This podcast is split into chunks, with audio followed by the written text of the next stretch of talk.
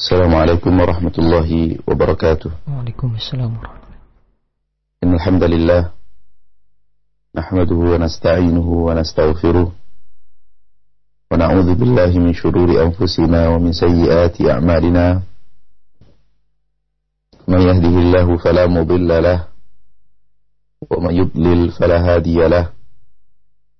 أشهد أن لا إله إلا الله وحده لا شريك له.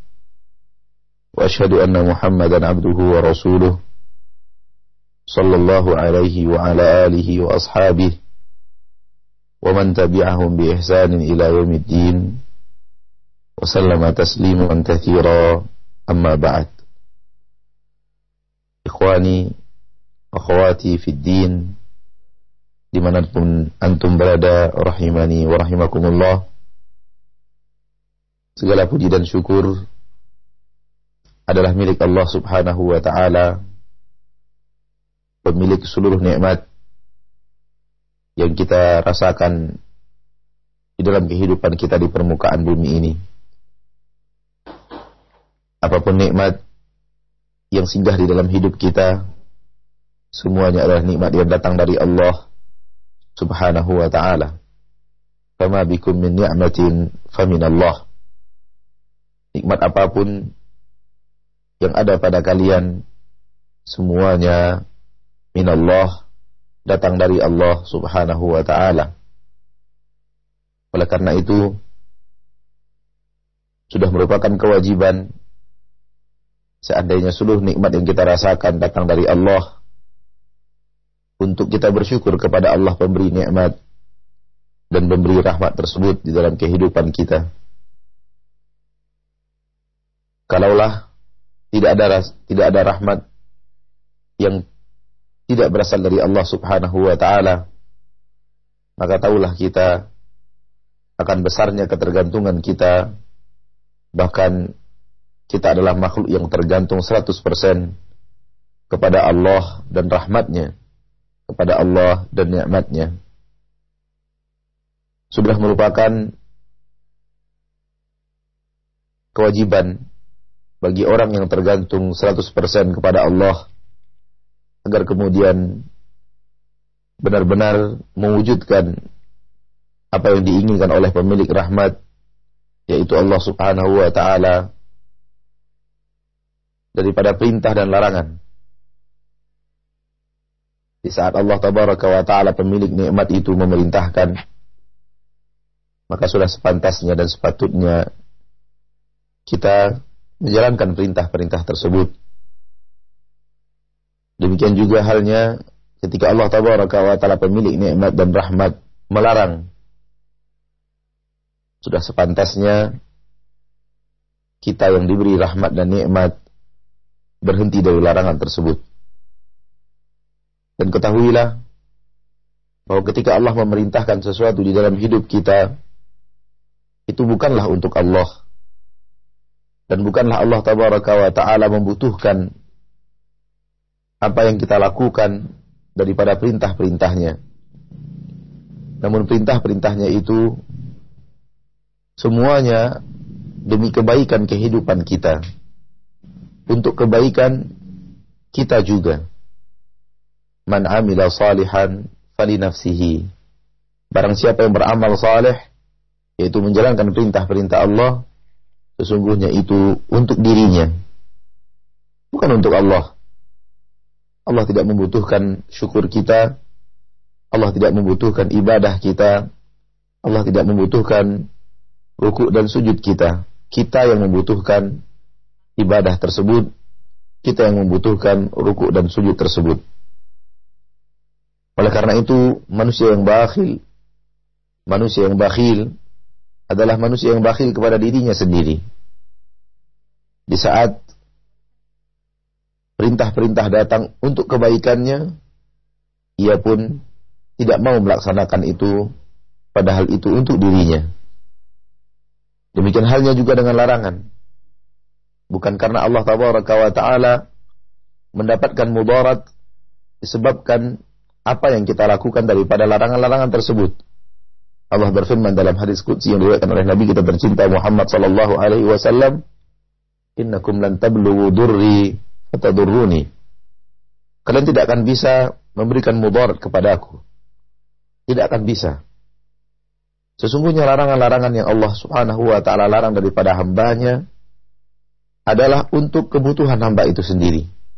Karena di dalam larangan tersebut terdapat petaka, di dalam larangan tersebut terdapat bencana untuk hamba itu sendiri. Oleh karena itu Allah melarangnya. Maka alangkah sialnya nasib orang yang ketika Allah tabaraka wa ta'ala melarang hal yang akan menghancurkannya dan membinasakannya ia tidak peduli dan melanggar larangan tersebut. Pada akhirnya dia juga yang akan merasakan akibat daripada perbuatannya melanggar syariat.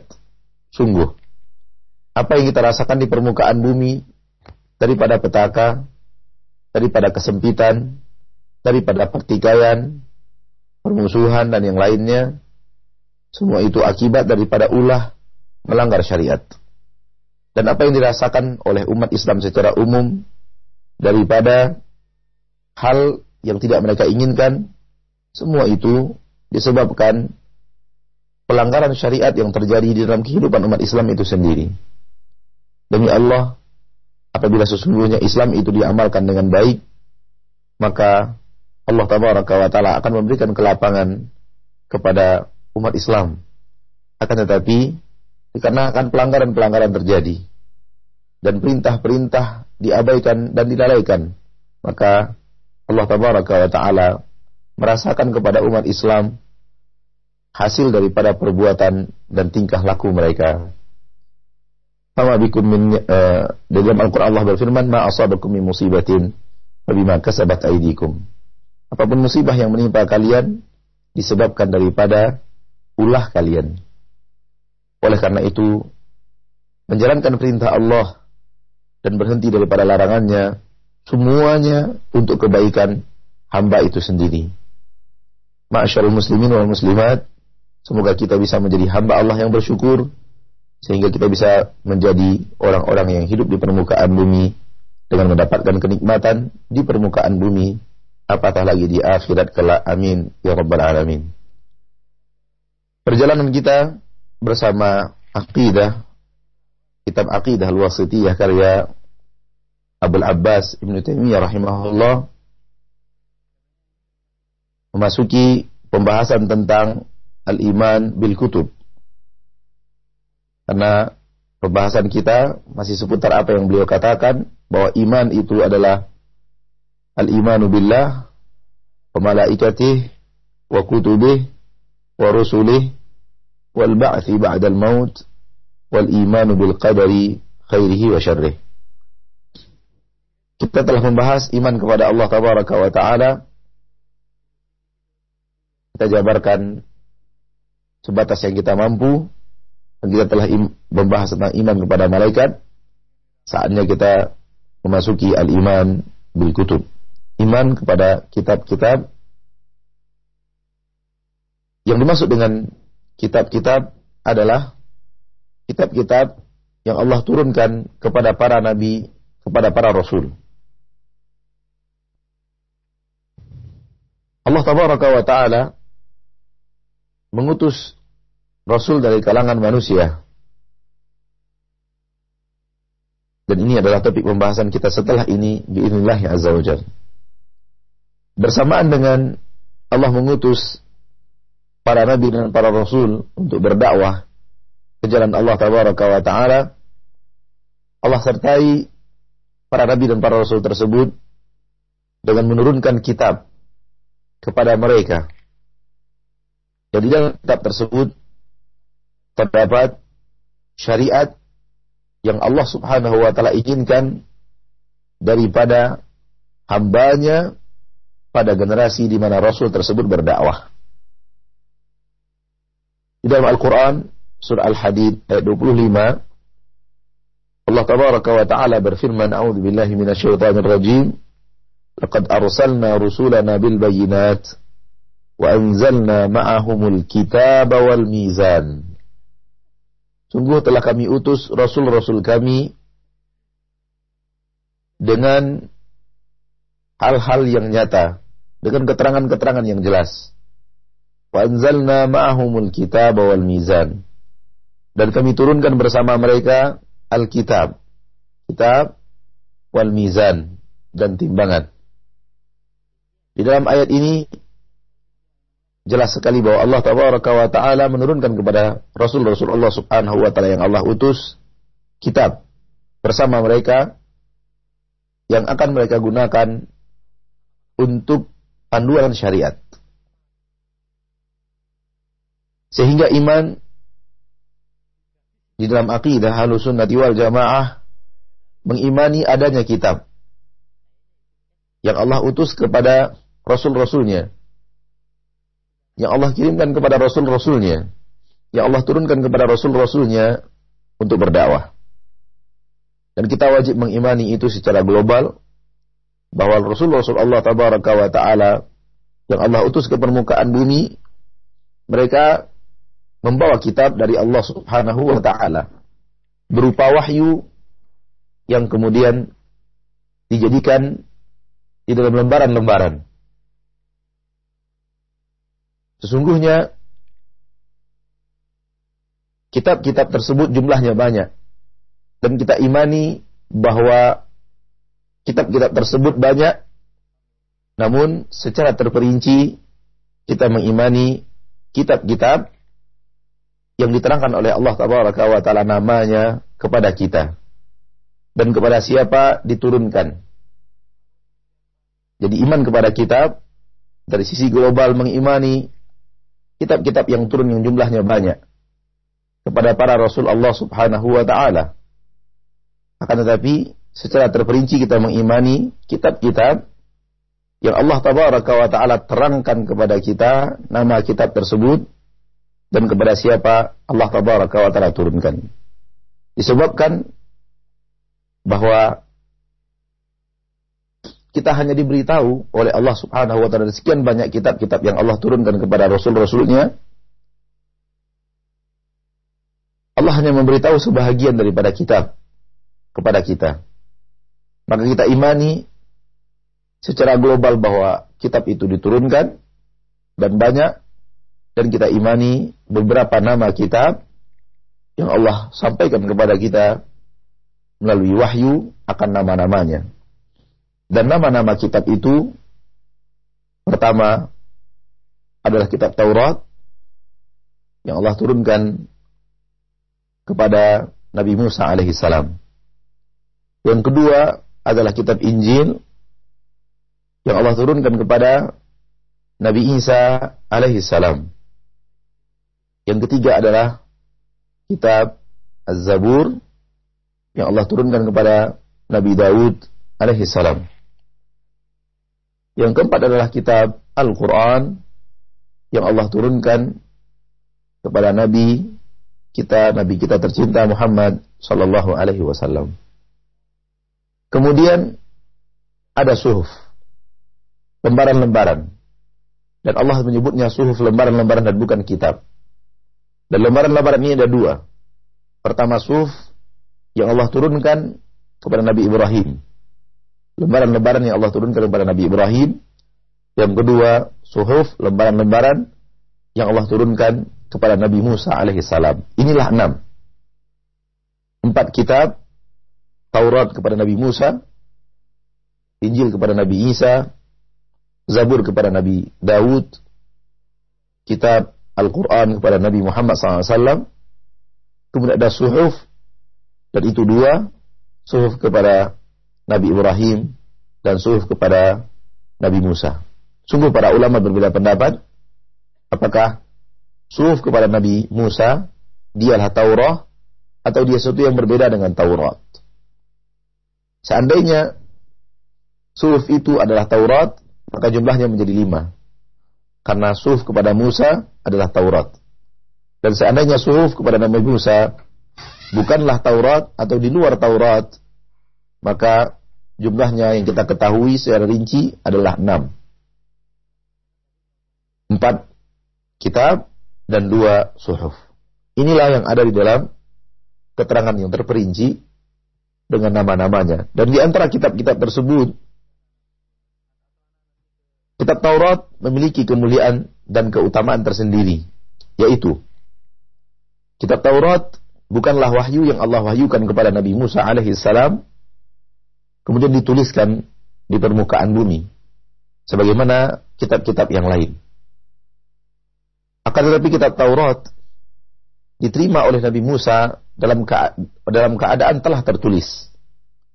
Kitab Taurat diterima oleh Nabi Musa alaihi salam sudah dalam keadaan tertulis. Dan yang menulisnya adalah Allah tabaraka wa taala. Ini kelebihan daripada kitab Taurat dan keutamaan kitab Taurat dibanding kitab yang lain.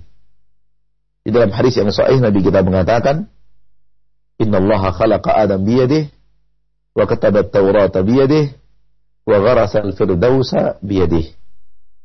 Sesungguhnya Allah tabaraka wa taala menciptakan Adam dengan tangannya, menulis Taurat dengan tangannya dan menanam surga Firdaus dengan tangannya.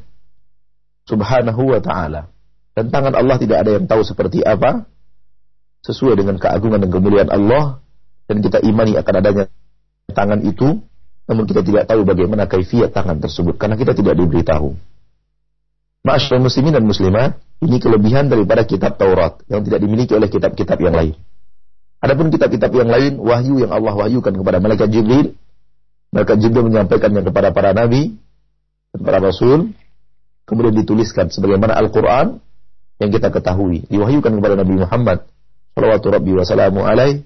Kemudian Nabi Muhammad membacakannya kepada para sahabat dan para sahabat menuliskan kitab tersebut dan jadilah dia sebuah ayat-ayat Allah dalam lembaran-lembaran catatan-catatan yang dicatat oleh para sahabat dan kemudian di zaman Abu Bakar disatukan menjadi sebuah suhuf, menjadi sebuah kitab, menjadi sebuah mushaf. Kemudian menyebar hingga zaman kita sekarang Walhamdulillahi Rabbil Alamin.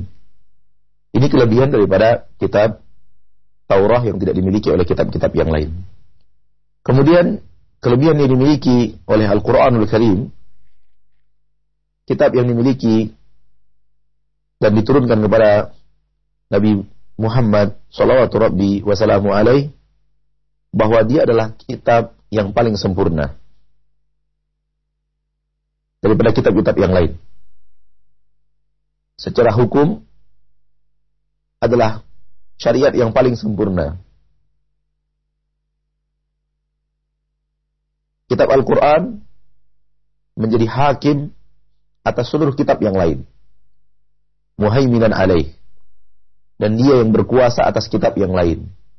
Maksud berkuasa di sini adalah apa pun yang ada di dalam kitab-kitab yang lain yang membawa syariat kepada nabi-nabi dan rasulullah Allah sebelum Nabi Muhammad apabila berhadapan dengan Al-Qur'anul Karim seandainya berbeda maka apa yang ada dalam kitab-kitab terdahulu menjadi sirna hukumnya ketika berhadapan dengan hukum yang ada di dalam kitabullah Al-Qur'anul Karim. Ini yang dimaksud dengan muhaimin. Bahwa kitab Al-Qur'an adalah kitab yang menjadi sesuatu yang hakim bagi kitab-kitab yang lainnya. Dia adalah panduan terakhir. Dan kepadanya, di dalamnya terdapat akhir daripada syariat.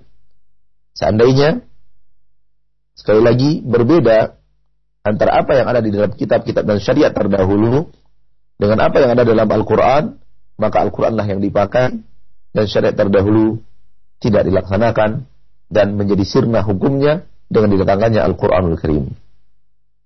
Dan ini kelebihan yang dimiliki oleh Al-Quranul Karim dan di dalamnya terdapat syariat-syariat yang turun kepada Nabi Muhammad sallallahu alaihi wasallam menutup syariat-syariat Nabi Muhammad nabi-nabi sebelum Nabi kita tercinta Muhammad sallallahu alaihi wasallam.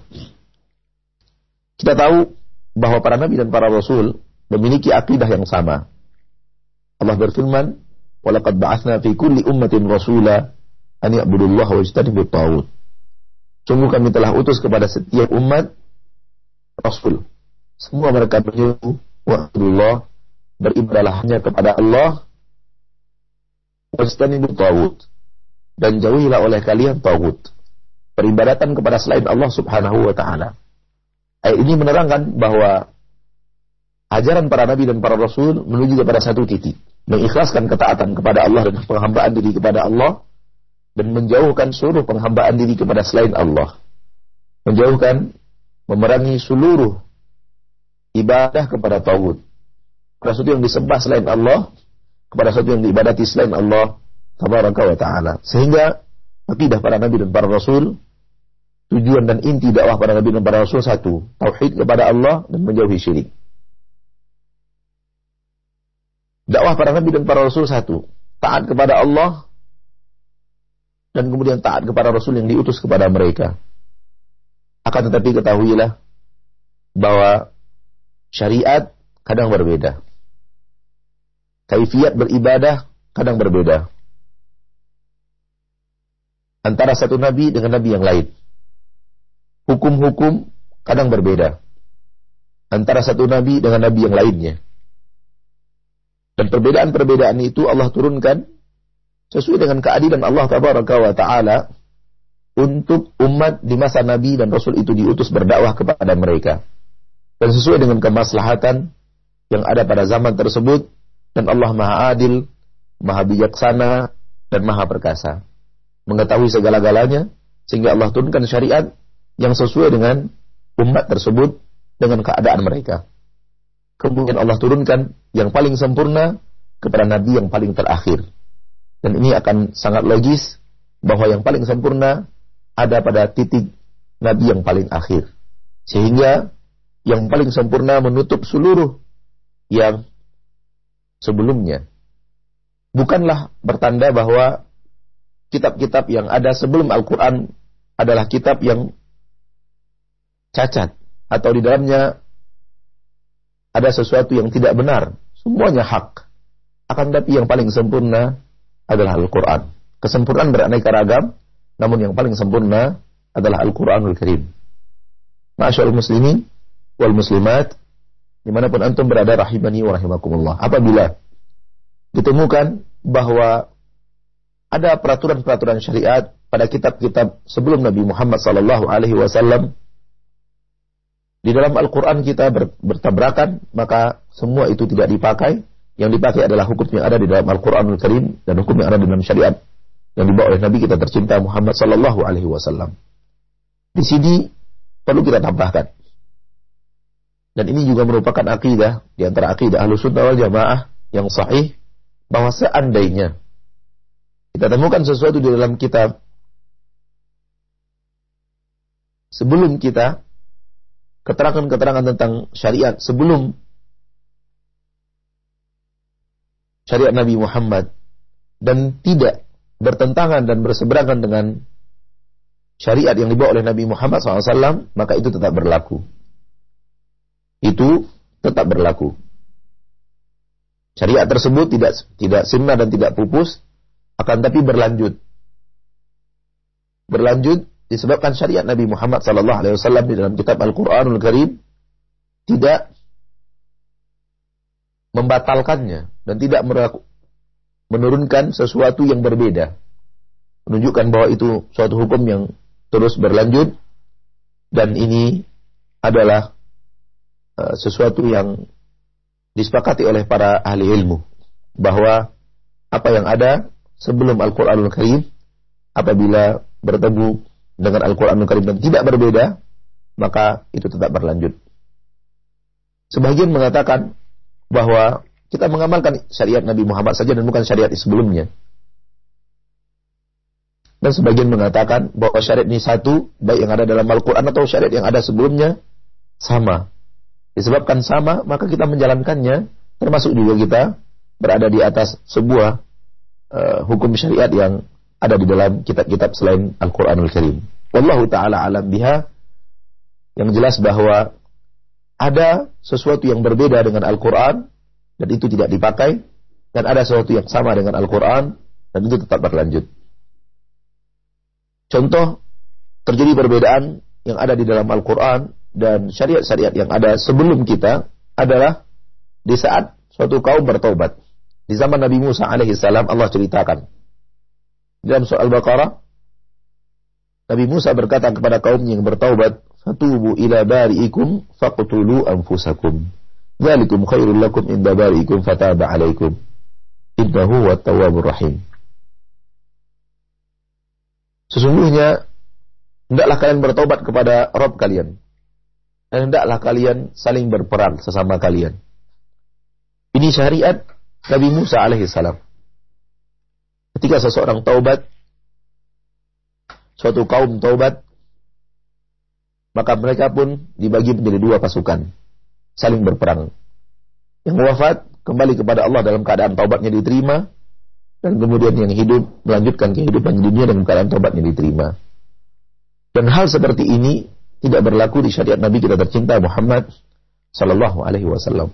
Yang ada di dalam syariat Nabi Muhammad SAW ketika kita bertaubat cukuplah dengan menyempurnakan tiga hal. Seandainya kesalahan itu kepada Allah Tabaraka wa Ta'ala semata, maksiat kepada Allah Rabbul Izzati wal Jalalah semata, yaitu kita wajib meninggalkannya dan kita wajib menyesali masa lalu yang salah dan kita wajib bertekad untuk tidak kembali lagi kepada kesalahan tersebut. Dan tidak seperti yang ada pada syariat Nabi Musa seperti yang telah kita ceritakan tadi. Ini suatu contoh bahwa Allah telah menerangkan kepada kita terjadinya perbedaan syariat antara syariat Nabi Musa alaihissalam dengan syariat Nabi Muhammad sallallahu rabbi. Di dalam syariat Nabi Yusuf alaihissalam, Allah menerangkan bahwa ayahnya Yakub alaihissalam, ibunya dan sebelas saudara-saudaranya sujud kepada Nabi Yusuf alaihissalam. Sujada. Mereka pun sujud kepada Nabi Yusuf alaihissalam. Dan Nabi Yusuf berkata, Ya abati, hadha ta'wilu ru'yaya min qablu Qad ja'alahu rabbi haqqa. Wahai ayahku, inilah takwil daripada mimpiku yang dulu. Sebelumnya Nabi Yusuf pernah bercerita kepada ayahnya Yakub alaihi wasallam bahwa ia ber, bermimpi matahari, bulan dan sebelas bintang sujud kepadanya. Dan ketika ayahnya ilah matahari, ibunya adalah rembulan dan sebelas saudaranya adalah bintang bersujud, Nabi Yusuf, Nabi Yusuf berkata inilah takwil daripada mimpiku yang dahulu. Allah telah menjadikannya realita yang nyata. Di dalam syariat Nabi Muhammad SAW bahwa sujud manusia kepada manusia diharamkan dan dijadikan bagian daripada ibadah yang wajib hanya kepada Allah dan apabila dilakukan kepada makhluk menjadi sebuah perbuatan yang musyrik. Berbeda antara syariat Nabi Yusuf dengan Nabi Muhammad salawatu rabbi wa salamu alaih dalam masalah ini. Dan semua itu adalah syariat Nabi yang lama diizinkan pada syariat Nabi di saat itu, namun tidak di syariat Nabi Muhammad Sallallahu Alaihi Wasallam. Di antara contohnya yang ketiga, mudah-mudahan bermanfaat adalah syariat yang ada pada Nabi Ibrahim alaihissalam dengan syariat Nabi Muhammad. Di dalam surah Al-Anbiya, Nabi Ibrahim disebutkan oleh Allah dan diceritakan oleh Allah tabaraka wa taala di dalam Al-Qur'an, "Faja'alahum judzadan illa kabiran lahum." Nabi Ibrahim menjadikan berhala-berhala Namruz hancur, luluh lantak. Menjadi kepikat-kepikat kecil. Dihancur oleh Nabi Ibrahim alaihissalam. Berhala-berhala pemimpin ketika itu disisakan yang paling besar. Hal ini adalah syarat Nabi Ibrahim. Nabi Ibrahim adalah sebagai rakyat yang hidup di bawah kekuasaan Namrus dan di zaman beliau diizinkan seorang rakyat untuk menghancurkan maksiat dengan tangannya. Melulantakkan berhala-berhala Namrus padahal beliau bukanlah seorang pemimpin dan beliau bukanlah seorang berkuasa. Namun di zaman Nabi kita tercinta Muhammad Sallallahu Alaihi Wasallam syariat telah berbeda. Nabi Muhammad SAW hidup di bawah kepemimpinan orang-orang Quraisy dan berhala ada di sekeliling Ka'bah dengan jumlah yang sangat besar. Namun dalam syariat Nabi Muhammad SAW, Nabi Muhammad tidak menghancurkan sedikit pun daripada berhala tersebut. Dan tidak menghancurkan dengan tangannya. Tidak menghilangkan satu, dua, atau tiga, atau sebahagian daripada organ atau sebahagian daripada berhala tersebut Rasulullah buang, Rasulullah lenyapkan di malam hari dan semacamnya, Rasulullah hancurkan salah satu di antaranya tidak. Rasulullah tidak menjamah sedikit pun berhala-berhala tersebut di saat beliau berdakwah di kota Mekah. Sampai kemudian beliau datang di kota Mekah pada tahun 8 Hijriah, menaklukkan kota Mekah. Ketika beliau telah berkuasa, pada hari itu juga seluruh berhala yang ada di sekeliling Ka'bah dihancurkan dan dimusnahkan oleh Nabi kita tercinta Muhammad SAW. Menunjukkan bahwa syariat Nabi kita Muhammad SAW bahwa penghancuran-penghancuran itu diizinkan hanya kepada orang yang telah menguasai negeri tersebut. Penguasa dialah yang berhak untuk menghancurkan tempat-tempat maksiat, untuk menghancurkan benda-benda maksiat dan bukan rakyat. Hal ini terlihat jelas perbedaan antara syariat Nabi sebelum Nabi Muhammad SAW dengan syariat yang ada pada Nabi kita tercinta Muhammad SAW. Dan ketika itu terjadi, Al-Quran adalah penguasa. Al-Quran menjadi pemimpin. Seluruh yang berbeda dengan Al-Quran menjadi sesuatu yang tidak berlaku. Dan apa yang ada dalam Al-Quran, itulah yang harus diamalkan.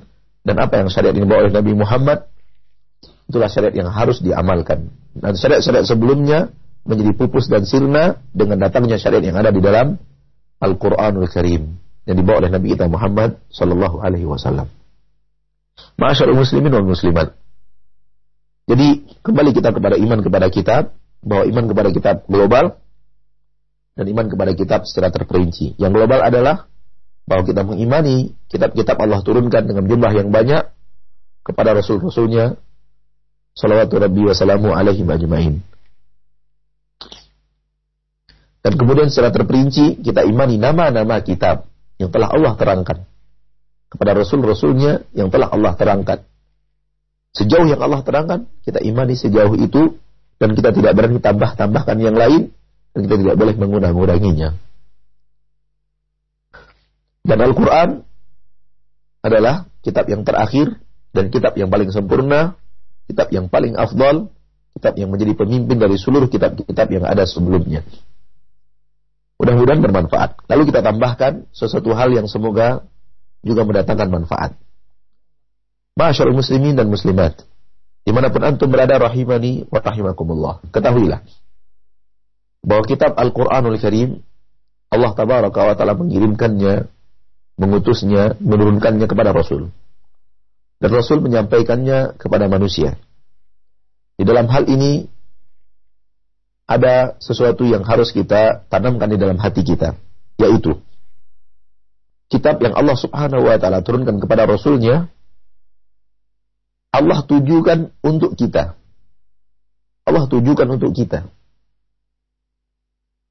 Allah turunkan kepada rasulnya dan rasulnya sampaikan kepada kita. Di sini ada yang mengirim dan ada yang dikirim dan ada kepada siapa ditujukan. Yang mengirimnya adalah Allah. Yang dikirim adalah kitab melalui Rasul dan tujuannya adalah kepada manusia semuanya termasuk adalah kita. Jadi ketahuilah bahwa Al-Quranul Karim di saat kita memegang Al-Quranul Karim yang harus kita hayati, kitab ini, Al-Quran ini, Allah ingin sampaikan isinya kepada kita. Dengan memahami ini, dan dengan meresapi dan menghayati ini, kita ingin tahu, akan timbul keinginan untuk mengetahui apa yang Allah inginkan dari kita. Di dalam lembaran-lembaran kitab yang suci ini. Di dalam lembaran kitab-kitab yang mulia ini. Allah ingin menyampaikan kepada kita sesuatu. Allah ingin menerangkan kepada kita sesuatu. Allah ingin memberikan hukum kepada kita sesuatu. Allah ingin melarang kita dari sesuatu yang tidak baik. Allah ingin menyuruh kita sesuatu yang baik, sesuatu yang akan mendatangkan manfaat di dalam kitab ini. Allah ingin menyampaikan kepada kita. Sehingga bagaimana kita dengan apa yang Allah Subhanahu wa taala inginkan untuk kita? Apa yang Allah kirimkan untuk kita? Dalam bahasa lain, Anda ingin mengatakan kepada kita semuanya, masyaallah muslimin dan muslimat di mana pun antum berada, jangan yakini bahwa Al-Quran itu cukup untuk para kiai. cukup untuk para ustadz, cukup untuk para ulama, biar mereka yang membacanya. Adapun kita tidak perlu. Salah. Al-Quran untuk seluruh manusia. Allah turunkan untuk seluruh orang-orang saleh dan untuk seluruh orang-orang yang tidak saleh. Untuk mereka semuanya. Bukan hanya untuk ulama. Kitab itu bukan hanya untuk para asatidah. Kitab itu bukan hanya untuk para orang-orang yang alim. Akan tetapi untuk seluruh manusia. Anda termasuk di antaranya. Kenapa Al-Quran itu diturunkan? Karena Anda. Allah ingin menyampaikan ini kepada Anda. Allah ingin menyampaikan risalah ini kepada Anda. Allah ingin menunjukkannya kepada Anda. Ini bagian surat-surat Allah Ta'ala yang Allah berikan kepada Anda. Bagaimana Anda berhadapan dengan surat-surat Al-Quranul Karim yang Allah tujukan untuk Anda? Ini menjadi titik yang harus kita pahami. Sehingga timbul keinginan masyarakat muslimin dan muslimat untuk mengerti apa yang Allah inginkan dari kita. Di dalam Al-Quranul Karim. Sungguh kehidupan kita sekarang Al-Quranul Karim diabaikan tidak dipelajari. Kalau ataupun ada semarak mempelajarinya, hanya semarak mempelajari cara membacanya. Itu yang terjadi dalam realita kehidupan kita sekarang. Walaupun kita mengatakan itu adalah sebuah kebaikan, namun kita menambahkan itu kekurangan. Kenapa hanya meminat minat membacanya saja dan cara membacanya saja? Lebih daripada itu, yang dibaca ini memiliki aturan. Yang dibaca ini dalamnya ada hukum dan peraturan. Yang dibaca ini dalamnya ada hidayah, petunjuk ke jalan yang lurus. Maka tidak cukup dengan hanya pandai membacanya. Kita harus mengerti, ma'asyarul muslimin, apa yang ingin Allah sampaikan kepada kita di dalam kandungan kitab Al-Quran tersebut. Mudah-mudahan apa yang telah kita sampaikan tadi bermanfaat dan semoga Allah tabaraka wa taala menumbuh kembangkan di hati kita keinginan untuk memahami kitab yang paling mulia yang diturunkan kepada Rasul yang paling mulia yaitu Rasul kita Muhammad SAW Al-Quranul Karim yang Allah turunkan kepada kita yang Allah tujukan kepada kita agar kita memahami kandungannya agar kita memahami apa yang Allah Subhanahu wa taala inginkan untuk kita dan Allah Subhanahu wa taala larang kita untuk melaksanakannya dan orang yang berpegang teguh kepada Al-Qur'an merupakan orang-orang yang akan dekat kepada hidayah yang sahihah, hidayah kepada jalan yang lurus, hidayah kepada surat al-mustaqim. Semoga Allah subhanahu wa ta'ala menjadikan kita orang-orang yang dekat kepada Al-Quran, membacanya, memahaminya, dan mengamalkannya. Amin. Ya Rabbal Alamin. Nah. Ya, terima kasih. Jazakallah khairan. Barakallahu kepada Ustaz dan Demikianlah ikhwatal iman, pembahasan yang sangat bermanfaat sekali bagi kita semua dari pembahasan syarah Kidah Wasitiyah yang disampaikan oleh Al-Ustaz Maududi Abdullah LC Hafizullah Ta'ala dari kediaman beliau di Kota Pekanbaru, Riau. Dan mudah-mudahan apa yang beliau sampaikan bermanfaat bagi kita semua dan selanjutnya akan kami buka sesi tanya jawab dan mohon maaf kepada Anda pendengar sekalian. Kami akan melayani pertanyaan-pertanyaan yang melalui pesan singkat saja yang pertama Ustaz Assalamualaikum warahmatullahi wabarakatuh Ada pertanyaan dari Abdullah yang berada di Bogor Ustadz, mengapa kebanyakan di dalam buku-buku sejarah para ulama sering mengambil dari kisah-kisah Israeliat? Bukankah Rasulullah SAW menyuruh kita untuk tidak membenarkan dan mendustakan dari kisah-kisah Israeliat tersebut? Dan apakah kisah Israeliat kebanyakan sahih atau doif? Silakan Ustadz kisah Israiliyat yang ada di dalam buku-buku yang disebutkan beredar, kita kembalikan kepada syariat Nabi kita tercinta Muhammad sallallahu rabbi wasallamu alaih. Seperti yang kita katakan tadi di dalam materi bahwa semuanya dikembalikan kepada syariat Nabi kita tercinta Muhammad sallallahu alaihi wasallam. Dan sebelum dikembalikan kepada syariat tersebut, hal yang harus diketahui juga adalah apakah ceritanya adalah berasal dari riwayat yang sahih atau tidak. Hal ini bukanlah pekerjaan mudah untuk mendeteksi cerita Israiliyat itu bagian daripada hal yang sahihah atau dhaifah karena kebanyakan riwayat-riwayat Israiliyat berasal dari riwayat-riwayat yang lemah. Kebanyakan berita kabar Israiliyat dari Bani Israel terdahulu berasal dari riwayat-riwayat yang tidak sahih.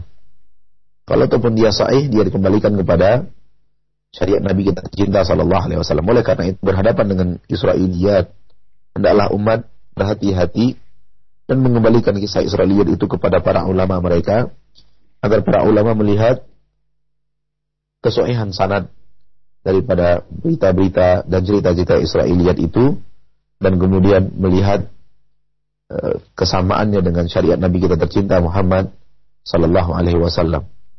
Maka bagi kita para tulabul ilm, para penuntut ilmu yang baru, hendaklah kita menjauhkan diri dari berita-berita Israel yang kita tidak tahu akan kesohihannya dan kedaifannya karena cukup bagi kita syariat Nabi kita tercinta Muhammad sallallahu alaihi wasallam. Kenapa ramai beredar? Wallahu taala alam. Cerita-cerita masa lalu bahagian daripada hal yang senang untuk dipelajari, hal yang eh, eh, mendatangkan suatu kenikmatan mempelajarinya karena dia berita tentang masa lalu, cerita tentang kejadian masa lalu dan semacamnya. Akan tetapi yang patut untuk kita ketahui bahwa eh, hal ini sebenarnya yang ada di dalam agama kita sudah cukup dan tidak perlu bagi kita untuk uh, mengambil riwayat-riwayat yang kita tidak mengerti kesahihan dan kedaifannya daripada akhbar berita-berita Israel di masa lalu wallahu taala alam. Ya, kasih khairan Ustaz atas jawabannya dan selanjutnya ada pertanyaan dari Bapak Nur Hadi yang berada di Cilengsi. Ustadz mengenai bahwa semua nabi semua nabi Allah berakidah sama. Lalu apa nama agama yang masing-masing dianut setiap nabi seperti halnya Nabi Muhammad SAW beragama Islam. Lalu bagaimana menyikapi bila ada seorang muslim yang menghina Nabi Isa dan bolehkah kita sebagai muslim mencintai Nabi Isa alaihissalam? Syukran jazakumullah khairan. Mencintai Nabi Isa alaihissalam bahagian daripada akidah kita mencintai Nabi Isa alaihi salam adalah bahagian daripada akidah kita. Bahkan di dalam akidah kita tentang iman kita kepada para nabi dan rasul ada lima nabi, nabi dan rasul yang paling mulia dari nabi-nabi yang rasul yang lain. Salah satu di antaranya adalah Nabi Isa alaihi salam. Dan dalam agama kita Nabi Isa adalah hamba Allah subhanahu wa ta'ala yang spesial. Karena Allah ciptakan Nabi Isa alaihi salam seperti Allah menciptakan Nabi Adam alaihi salam. Tanpa melalui seorang ayah diciptakan dari rahim seorang ibu yang suci dan mensucikan dirinya Maryam. Dan Nabi Isa alaihi salam adalah nabi yang wajib kita cintai. Apakah itu artinya kita sama dengan mereka-mereka yang menyatakan pengikut Nabi Isa kita katakan tidak. Karena kita mencintai Nabi Isa dengan kecintaan yang yang benar dan tanpa diiringi oleh akidah-akidah yang batil tentang Nabi Isa. Sementara mereka mencintai Nabi Isa dengan akidah yang sudah menyeleweng dan akidah yang sudah salah tentang Nabi Isa. Di saat mereka meyakini Nabi Isa berada pada derajat yang lebih daripada derajat seorang manusia dan rasul. Rasul dan hamba mereka mengangkat derajat Nabi Isa sampai kepada derajat ilah. Jadikan Nabi Isa adalah Tuhan. Sesungguhnya Nabi Isa yang kita bicarakan, dibicarakan oleh umat Islam, adalah Nabi Isa yang dibicarakan oleh umat-umat Nasara. Itulah dia. Nabi Isa yang mereka bicarakan, dialah Nabi Isa yang kita bicarakan. Dia adalah sosok satu orang. Sosok manusia mulia, manusia yang dimuliakan oleh Allah dengan risalah, dan Allah muliakan dengan penciptaan yang berbeda dengan penciptaan mayoritas manusia lainnya, dan Allah muliakan dengan uh, ibu yang suci, ibu yang menjaga kesuciannya, Maryam yang salihah, dan Allah Subhanahu wa taala menjadikannya rasul-rasul yang mulia, lima rasul yang termulia dari rasul-rasul Allah yang lainnya. Itulah akidah kita tentang Nabi Isa dan kecintaan kita kepada Nabi Isa wajib dan keimanan kita kepada Nabi Isa wajib. Oleh karena itu kalau ada orang muslim yang menghina Nabi Isa, maka kita tidak menyetujui itu dan kita membantahnya. Akan tetapi di saat ada orang lain yang memuji Nabi Isa berlebihan maka kita pun tidak menyetujui dan kita membantahnya. Nabi Muhammad, Nabi sallallahu alaihi wasallam mengkhawatirkan umatnya memuji dirinya berlebihan dan mengatakan la tutruni kama atratin nasara ibnu maryam. Jangan kalian puji aku berlebihan sebagaimana Nasara memuji berlebihan Isa bin Maryam. Maka kesalahan mereka adalah memuji Nabi Isa berlebihan. Sehingga mengangkat derajat Nabi Isa melebihi seorang manusia yang rasul.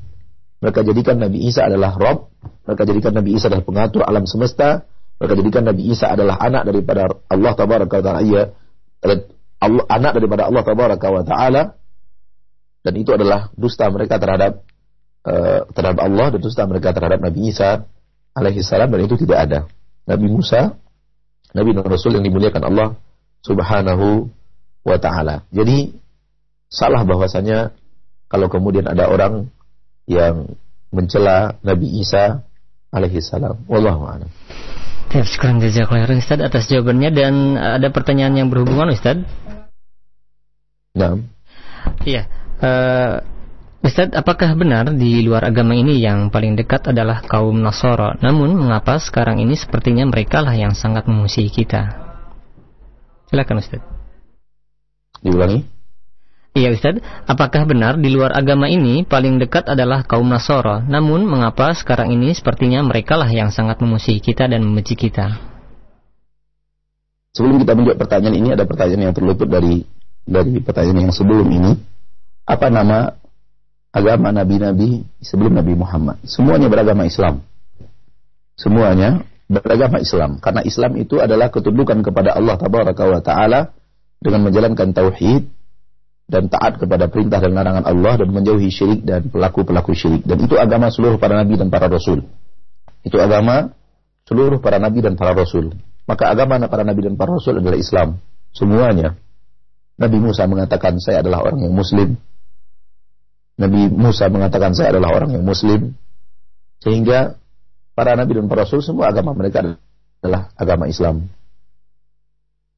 Tidakkah kita melihat Eh, ketika Nabi Sulaiman dengan Ratu Balkis, Ratu Balkis berkata, Aslam tulillahi rabbil alamin. Saya masuk Islam, berislam dan tunduk dan patuh kepada Allah Subhanahu wa taala, Rabb pencipta alam. Bukankah Nabi Sulaiman berkata kepada pasukannya, "Mayatini bi arsyiha qabla an ya'tuni muslimin." Siapa di antara kalian yang bisa mendatangkan aras Ratu Balkis kemari sebelum mereka datang dalam keadaan muslim. Jadi seluruh agama para nabi dan para rasul sebelum Nabi Muhammad dan juga agama Nabi Muhammad adalah agama Islam. Namun syariat memiliki perbedaan-perbedaan sesuai dengan kebutuhan umat dan sesuai dengan keadaan umat. Allah turunkan dengan penuh keadilan, Allah turunkan dengan penuh hikmah subhanahu wa ta'ala. Kemudian, apakah benar bahwa Nasara adalah umat yang paling dekat dengan umat Islam. Ini Allah ceritakan di dalam Al-Quranul Karim. Akan tetapi tentang Nasara-Nasara yang ada pada pemerintahan Raja Najasyi di Habasyah. Ketika mereka membela kaum muslimin. Dan Raja Najasyi kemudian membiarkan kaum muslimin hidup dengan aman dan nyaman dan tidak diganggu. Bahkan Raja Najasyi sendiri akhirnya masuk Islam tanpa diketahui oleh uh, pengikut-pengikutnya dan tanpa diketahui oleh rakyatnya. Sehingga ketika ia wafat, tak seorang pun yang tahu bahwa dia adalah wafat dalam keadaan muslim sehingga dia dilaksanakan dengan dikebumikan dengan cara uh, keyakinan mereka sehingga Nabi Muhammad SAW menyulatkan Raja Najasyi secara gaib dari Madinah dan mengatakan telah wafat sekarang ini seorang lelaki saleh. Seorang lelaki saleh, rajulun saleh. Dalam riwayat yang lain Nabi mengatakan telah wafat sekarang ini seorang hamba Allah yaitu Raja Najasyi. Dan disolatkan oleh Rasul kita tercinta SAW secara gaib dari kota Madinah. Kepada mereka lah turun ayat-ayat wala tajidanna aqrabahum mawaddatan alladziina aamanu alladziina qalu inna nasara. Kalian akan menemukan orang-orang yang dekat kecintaannya kepada kaum mukminin adalah orang-orang yang mengatakan kami adalah Nasara. Kepada mereka lah turun ayat ini khusus, ini yang kita ketahui. Jadi tidak benar bahwa ini diambil hukum umum. Ini diambil hukum secara umum bahwa seluruh Nasara memiliki kedekatan kepada umat Islam. Allah taala alam. Ya, saya syukuran jazakallah khairan Ustaz atas jawabannya yang sangat bermanfaat sekali dan selanjutnya ada pertanyaan dari Abu Salman yang berada di Cilengsi. Ustaz tadi dikatakan bahwa syariat uh, Nabi Muhammad SAW untuk menghancurkan tempat maksiat itu dilakukan oleh para penguasa atau pihak berwenang tidak seperti syariatnya Nabi Ibrahim. Lalu bagaimana jika uh, pada saat ini mereka hanya diam saja sedangkan kita sudah memberitahukannya? Apakah boleh kita bergerak sendiri atau menghancurkan tempat tersebut? Silakan Ustaz. Seperti yang kita katakan tadi, dan kita ulangi lagi, bahwa Nabi kita salawatu rabbi wassalamu alaih 13 tahun lamanya berdakwah di kota Mekah. Anak ingin mengajak kaum muslimin dan muslimat berpikir lebih jernih. Bahwa maksiat yang terjadi di zaman kita sekarang, maksiat dan bentuk-bentuk maksiat yang terjadi di zaman kita sekarang, kalau kita bertanya, maksiat apa yang di zaman Rasul tidak ada? Apa maksiat yang terjadi di zaman kita sekarang? Yang di zaman Rasul kita berdakwah selama berada di kota Mekah 13 tahun, tidak ada maksiat itu. Hampir 100% dari maksiat yang terjadi di zaman kita ada di zaman Rasul kita berdakwah di kota Mekah. Ada tempat minum khamar, ada tempat untuk bernyanyi dan berdi, berdisko, ada tempat lokalisasi, ada kezaliman, ada kesyirikan. Apa wanita-wanita yang membuka auratnya di kaum laki-laki? Apa kemaksiatan yang ada di zaman kita sekarang yang seperti itu tidak ada di zaman Rasul kita berdakwah di kota Mekah. Hampir tidak ada hampir mayoritas 100% apa yang kita temukan di zaman kita sekarang pun ada dan ditemukan oleh Rasul kita tercinta sallallahu alaihi wasallam ketika berada di kota Mekah berdakwah. Kemudian coba kita lihat dalam sejarah 13 tahun Rasul kita berdakwah, adakah satu tempat maksiat, adakah satu tempat kesyirikan, adakah satu tempat yang tidak diridhoi Allah tabaraka wa taala dihancurkan oleh nabi kita tercinta? Apakah nabi kita tidak memberitahu kepada orang-orang itu adalah maksiat? Apakah nabi kita tidak memperingatkan pemimpin-pemimpin Mekah bahwa itu adalah kesyirikan? Mengingatkan. Oleh karena itu hendaklah kita takayud kepada cara dakwah Rasul kita tercinta Muhammad SAW. Niru dan mengikuti cara dakwah Nabi kita tercinta Muhammad SAW. Pahamlah kita bahwa kekuasaanlah yang mengizinkan seseorang untuk merubahnya dengan tangan. Sebagaimana mereka dulu yang memberikan izin berdiri, mereka juga yang harus menghancurkannya dengan tangan mereka. Kalau tidak, mereka akan mendapatkan pertanyaan dahsyat di padang mahsyar tentang aksi mereka membiarkan itu terjadi, memberikan izin itu untuk berdiri, dan soal menghancurkan adalah milik mereka dan bukan milik rakyat. Kewajiban rakyat menasihati, kewajiban rakyat menyampaikan, setelah itu sisanya adalah kewajiban para pemimpin. Semoga Allah memberikan hidayah kepada kita dan kepada pemimpin-pemimpin kita untuk tidak menyetujui datangnya kebatilan dan terwujudnya kebatilan. Amin ya rabbal alamin. Baik, terima kasih banyak Ustaz atas jawabannya. Dan selanjutnya ada pertanyaan dari Bapak Hadi Marzuki di Aikna, uh, Aiknabara Provinsi Sumatera Utara.